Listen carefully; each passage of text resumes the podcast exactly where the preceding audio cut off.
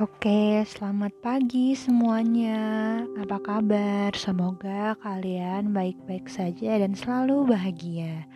Kali ini aku bakal ngebahas sebuah topik yaitu Good Girl Syndrome. Ketika kamu dituntut untuk selalu menjadi baik.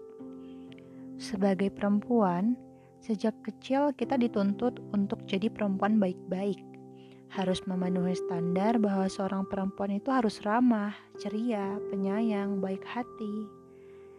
Ya, semuanya seolah menjadi tugas perempuan untuk menjadi perfeksionis.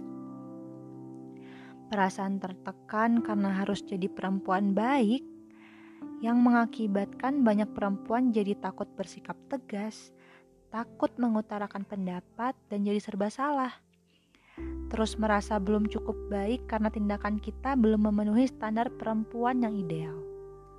Bersikap untuk menjadi baik tentu tidak salah, malah bagus jika semua orang dapat berbuat baik. Namun, ketika kita menjadi terlalu baik untuk menyenangkan orang lain, padahal diri sendiri merasa tertekan, bukankah lama-kelamaan hal ini jadi sangat melelahkan?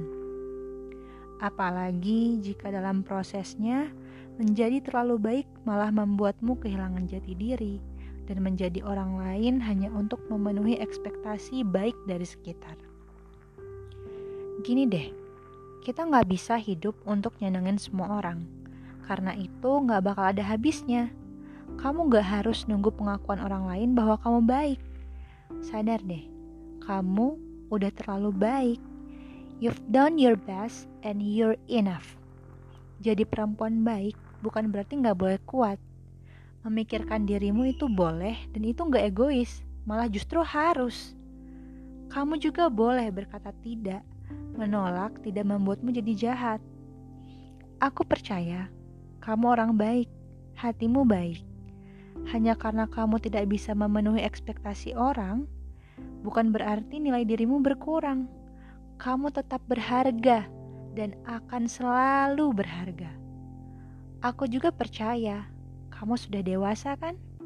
Dan kamu berhak menentukan pilihan. Kamulah yang paling tahu kemampuanmu.